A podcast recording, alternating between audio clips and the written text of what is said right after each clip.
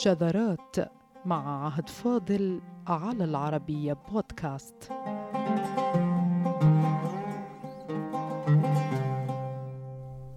كلمة الحسد في اللغة العربية لا كغيرها من الكلمات ففيها شيء تجنبه بعض من كبار اللغويين والمعجميين كالخليل في العين الذي اكتفى بالقول إن الحسد معروف والفعل يحسد وفلان محسود. وفي المقابل فيها أشياء سلط الضوء عليها إما بدو فصحاء أو لغويون ومعجميون رؤساء.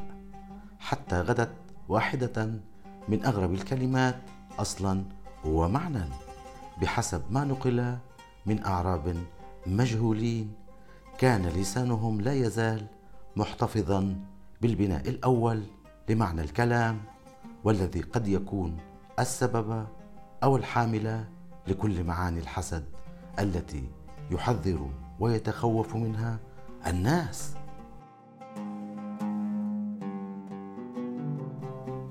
فمن أين جاء معنى الحسد في اللغة العربية؟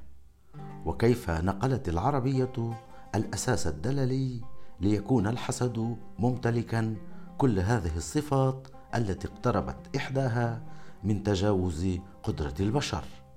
وهل حقيقة إن الحسد لغة جاء من اسم حشرة تمتص دماء الحيوان؟ هل هذا كله هو السبب بكل المعاني الملقاة على الحسد؟ اسما وفعلا ومواصفات؟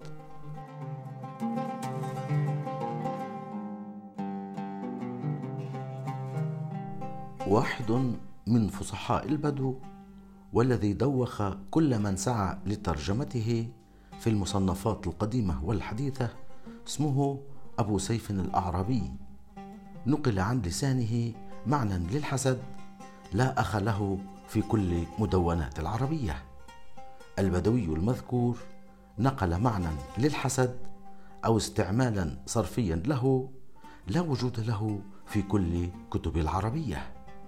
وعندما وقف المحققون عند تصريفه اللغوي للحسد كتب بعضهم على الهامش هكذا وردت في الأصل أو كذا في الأصل المخطوط لما فيها من غرابة لا مجال إلا للوقوف عليها واعتبارها سندا يكشف معنى الحسد.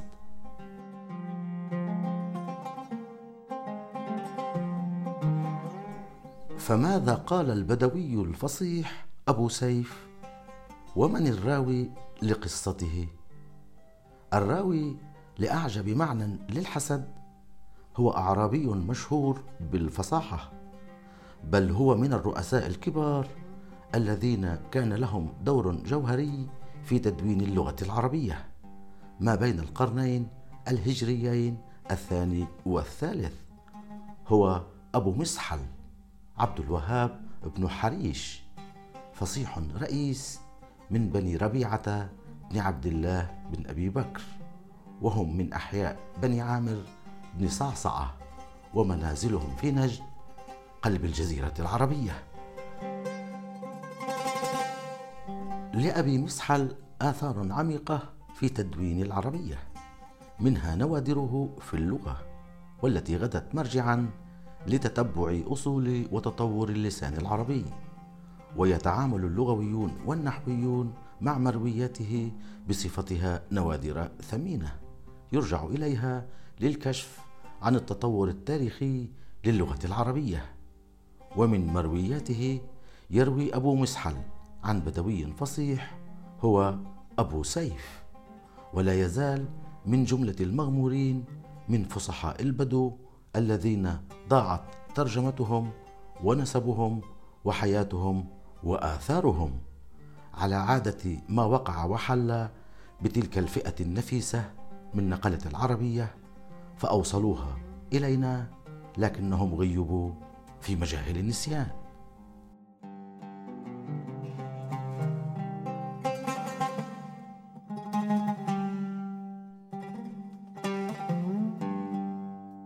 يقتبس أبو مسحل من أبي سيف قوله يحسد ويخلق بالكسر ويضيف كشفا للمعنى أكثر لم يحسد الله مثله وقد حسده يحسده وأيضا بالكسر.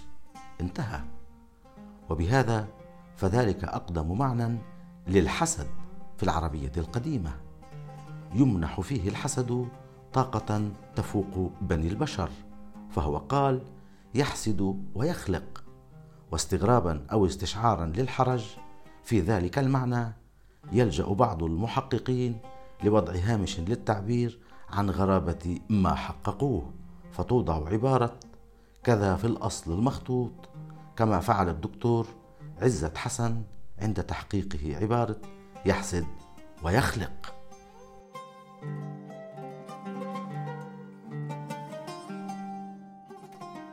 فهل تكون المعاني الممنوحة للحسد مجمعة كلها على لسان ذلك البدوي الفصيح الذي ضاعت آثاره ولولا قيام بدوي آخر؟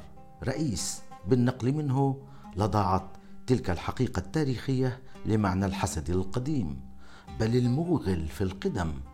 وهل هذا يفسر الصورة المضخمة للحسد والحاسد في اللاشعور الجمعي حتى من حسد كأنه مالك طاقة تفوق بني البشر فيؤثر فيهم فيخافونه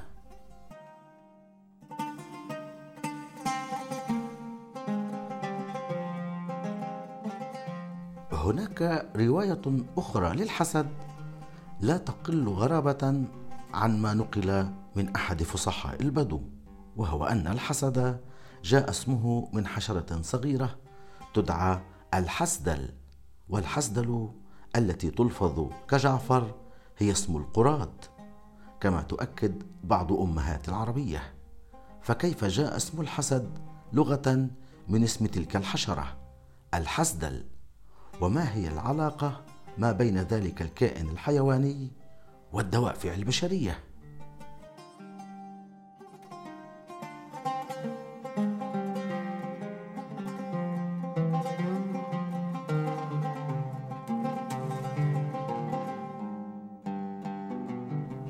والقراد نوع من الحشرات الصغار أو دويبة كما يرى عدد من أهل اللغة وهي تعيش على مص دماء ما تعلق به من ماشية أو كلاب أو طيور بدون أن تظهر أي صوت أو جلبة وهي من أعجب الكائنات مقدرة على تتبع الفرائس ولو من أبعد المسافات. ولهذا قيل في المثل العربي أسمع من قراد لأنها تسمع أخفاف الإبل من على مسافة يوم فيتحرك للقائها.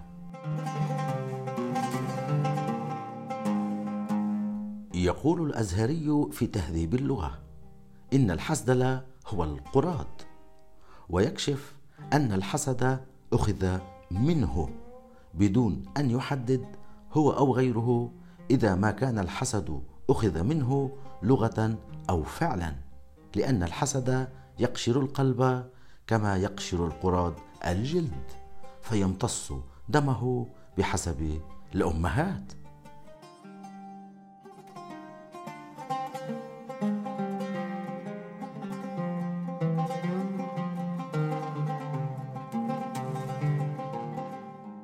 ويلتقي مع الأزهري في قوله عن أن الحسد من الحسدل لأنه يقشر القلب مجمل علماء العربية الرؤساء الذين يقولون إن أصل الحسد القشر وربما من هذا القشر الذي يقوم به القراد كانت الصفة المشتركة بين الاثنين الحسد والقراد. فكان الحسدل مصدرا للحسد بحسب تلك المرجعية.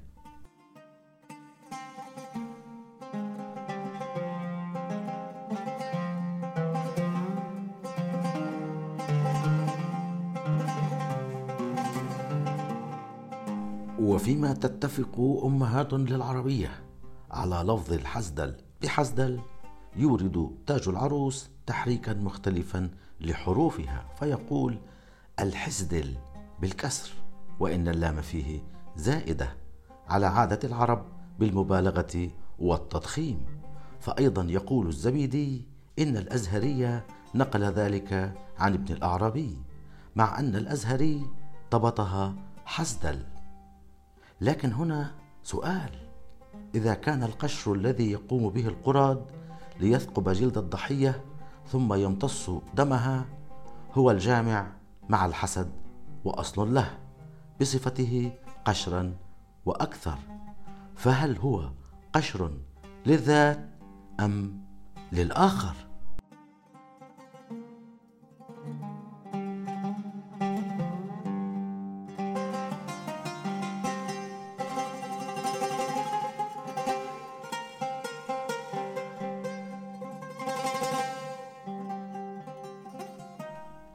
بحسب مراجع العربية فإن أبا سيف الأعرابي منح الحاسد طاقة تفوق طاقة بني البشر فقال بيحسد يخلق ولم يحسد الله مثله كما روي عنه. وها هي أمهات العربية تقتبس من العرب استعمالا لفعل الحسد يعتبره اللغويون من أغرب الغريب وهو حسدني الله إن كنت أحسدك. يقول عنها الزبيدي إن هذا من قبيل الكلام الشنيع ويبدو أن المعجمي الكبير اهتز لهذا المعنى على اعتبار تضاربه مع مبادئ الدين الإسلامي متجاهلا أن هذا النقل والاقتباس تم من العربية القديمة الجاهلية لا من عربية الإسلام التي هذبت اللغات واللسان. لكن استعمالها الجاهلي المغرق في القدم يسلط الضوء على ما روي من الفصيح المنسي. أبي سيف الأعرابي عندما قال يحسد ويخلق ولم يحسد الله مثله. واحتمال أن يكون هذا الاستعمال هو الحمولة الدلالية التي جعلت من الحسد قوة تفوق قوة البشر فيخافون الحاسد بصفته قادرا على الفعل والتأثير.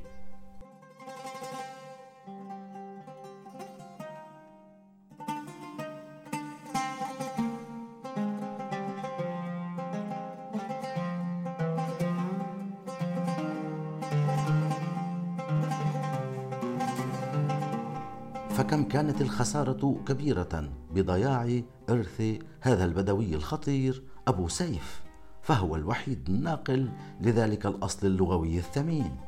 وكيف كان هذا؟ الأساس اللساني المغرق في القدم من عوامل فهم وتصوير معنى الحسد والحاسد.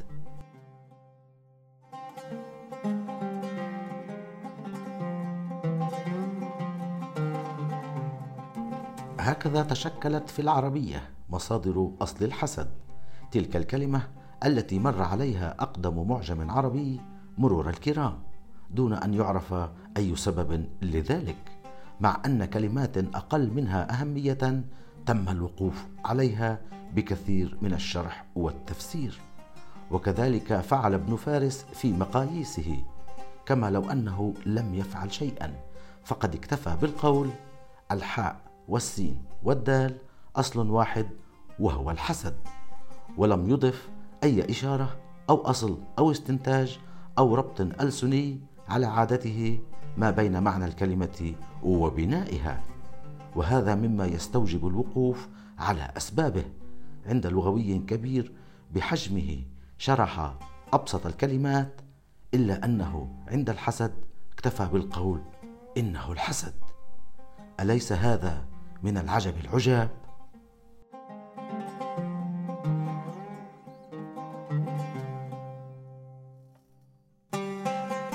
وبمجمل ما روي يتكون الحسد اولا من أصل مغرق في القدم في يحسد يخلق ولم يحسد الله مثله وكله بالكسر كما ضبطه المحققون.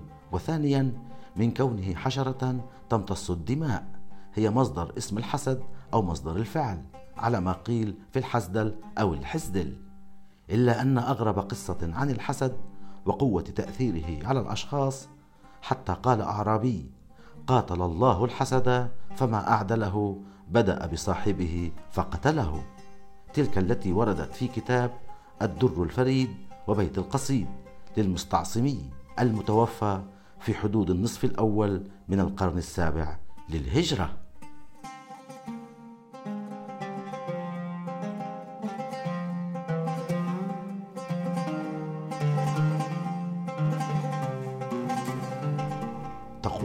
القصة التي سنذكرها باختصار أيها السادة. إن هناك شخصا كان يكره جارا له ويحسده أشد الحسد ولا يقدر عليه فابتاع غلاما وأحسن معاملته بإفراط كي يستجيب لطلب غريب سيطلبه منه لاحقا بعد حين. أقر الرجل للغلام أنه ابتاعه لأنه يحسد جاره حسدا كبيرا ولم ينجح في أي مكيدة أعدها له فطلب من الغلام أن يقتله ويرمي بجثته في بيت جاره كي يتم اتهام الجار بالجريمة ويقتل به وأعطاه ماله كله مقابل تنفيذ قتله. وتمت الجريمة ورميت الجثة في بيت الجار ثم اتهم الجار المحسود بالقتل. إلا أن الغلام أقر بحقيقة الواقعة وأن القتيل هو الذي طلب قتل نفسه حسدا ليقتل جاره به. وبغض النظر عن حقيقة وقوع تلك القصة فإنها أيها السادة تشير إلى قوة تأثير الحسد بصاحبه. فماذا قالت العرب عن الحسد؟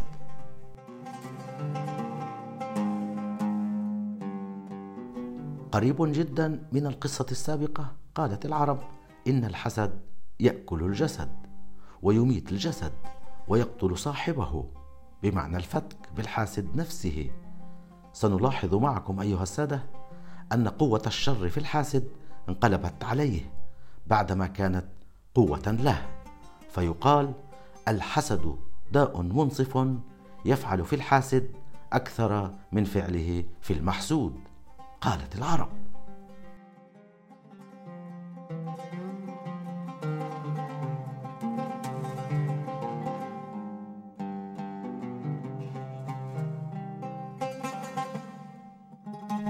والحسد الذي هو تمني زوال نعمة المحسود واتصالها إلى الحاسد وتختصر بالحسد تمني زوال نعمة المحسود مقترن بالنعمة على ما يقول الشاعر العربي محسد بخلال فيه فاضلة وليس تفترق النعماء والحسد.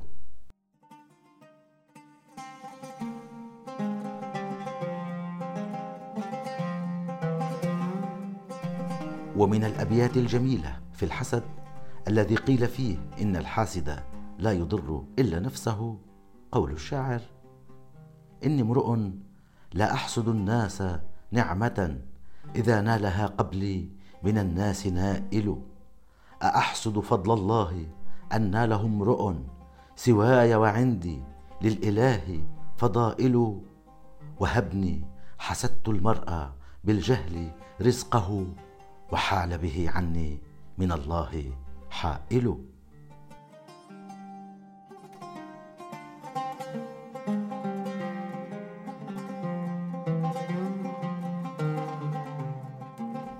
فسواء كان أصل الحسد في حشرة تمتص دماء الضحايا كحسدل أو حسدل أو في منحه في الجاهلية طاقة تفوق طاقة بني البشر كما روي عن أبي سيف الأعرابي أو أن معنى الحسد أصلا في القشر ومنه تمني الحاسد زوال أي قشر نعمة المحسود. فإنه من أسوأ صفات الإنسان التي تورث العذاب والعنف والخراب وضياع الوقت سدا وكمدا وحقدا ومرضا لأن الأصفهاني في مفردات غريب القرآن شرح للحسد وجها يظهر حجم الكارثة من الحاسد والمحسود فيقول الحسد تمني زوال نعمة من مستحق لها وربما كان مع ذلك سعي في إزالتها.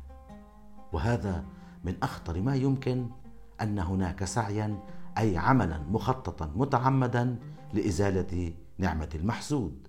وبذلك انتقل الحسد من أصله كرغبة دفينة في الاستيلاء على مال الغير إلى تنفيذ جريمة الاستيلاء على مال الغير. وهكذا يصبح الحسد جريمة بعدما كان آفة ومرضا وشرا.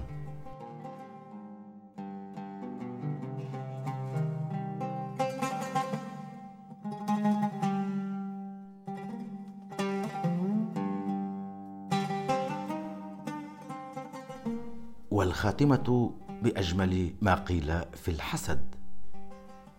واعذر حسودك فيما قد خصصت به إن العلا حسن في مثلها الحسد. وصاحب هذا البيت هو صاحب أجمل ما قيل في الحسد أبو تمام إذ يقول وإذا أراد الله نشر فضيلة طويت أتاح لها لسان حسود لولا اشتعال النار فيما جاورت ما كان يعرف طيب عرف العود. والسلام عليكم.